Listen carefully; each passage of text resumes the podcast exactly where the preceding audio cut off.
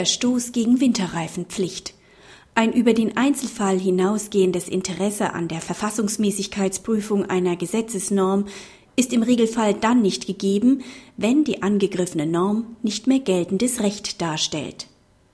Das Amtsgericht verurteilte den Betroffenen zu einer Geldbuße von 40 Euro wegen des Führens eines mit Sommerreifen bereiften Omnibusses bei winterlichen Straßenverhältnissen.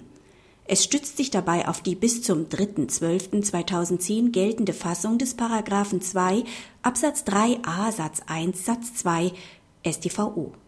Das Oberlandesgericht hat den Antrag des Beschwerdeführers auf Zulassung der Rechtsbeschwerde zurückgewiesen. Die dagegen eingelegte Verfassungsbeschwerde wurde nicht zur Entscheidung angenommen. Das Bundesverfassungsgericht weist darauf hin, dass es dahinstehen kann, ob die bis zum 3.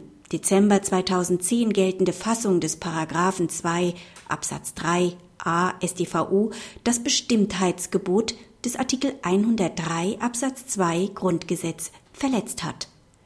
Für die persönliche Betroffenheit des Beschwerdeführers hat die Frage keine Bedeutung mehr, weil die fragliche Bestimmung außer Kraft getreten ist. Die Verfassungsbeschwerde ist auch deshalb nicht anzunehmen, weil der vom Beschwerdeführer geltend gemachte Verletzung kein besonderes Gewicht zukommt. Dem Beschwerdeführer entsteht durch die Versagung in der Entscheidung der Sache auch kein besonders schwerer Nachteil.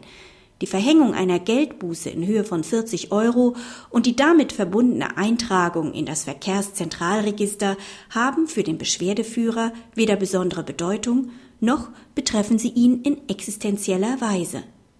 Praxishinweis.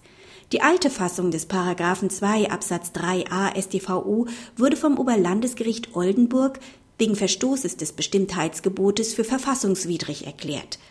Vor dem Hintergrund dieser Entscheidung hat das Oberlandesgericht die Rechtsbeschwerde nicht mehr zugelassen, weil eine Nachprüfung zur Fortbildung des Rechts nicht mehr geboten sei. Die Argumentation hat das Bundesverfassungsgericht nicht beanstandet. Wichtig ist, dass das Bundesverfassungsgericht allein in der Eintragung in das Verkehrszentralregister keinen Zulassungsgrund sieht.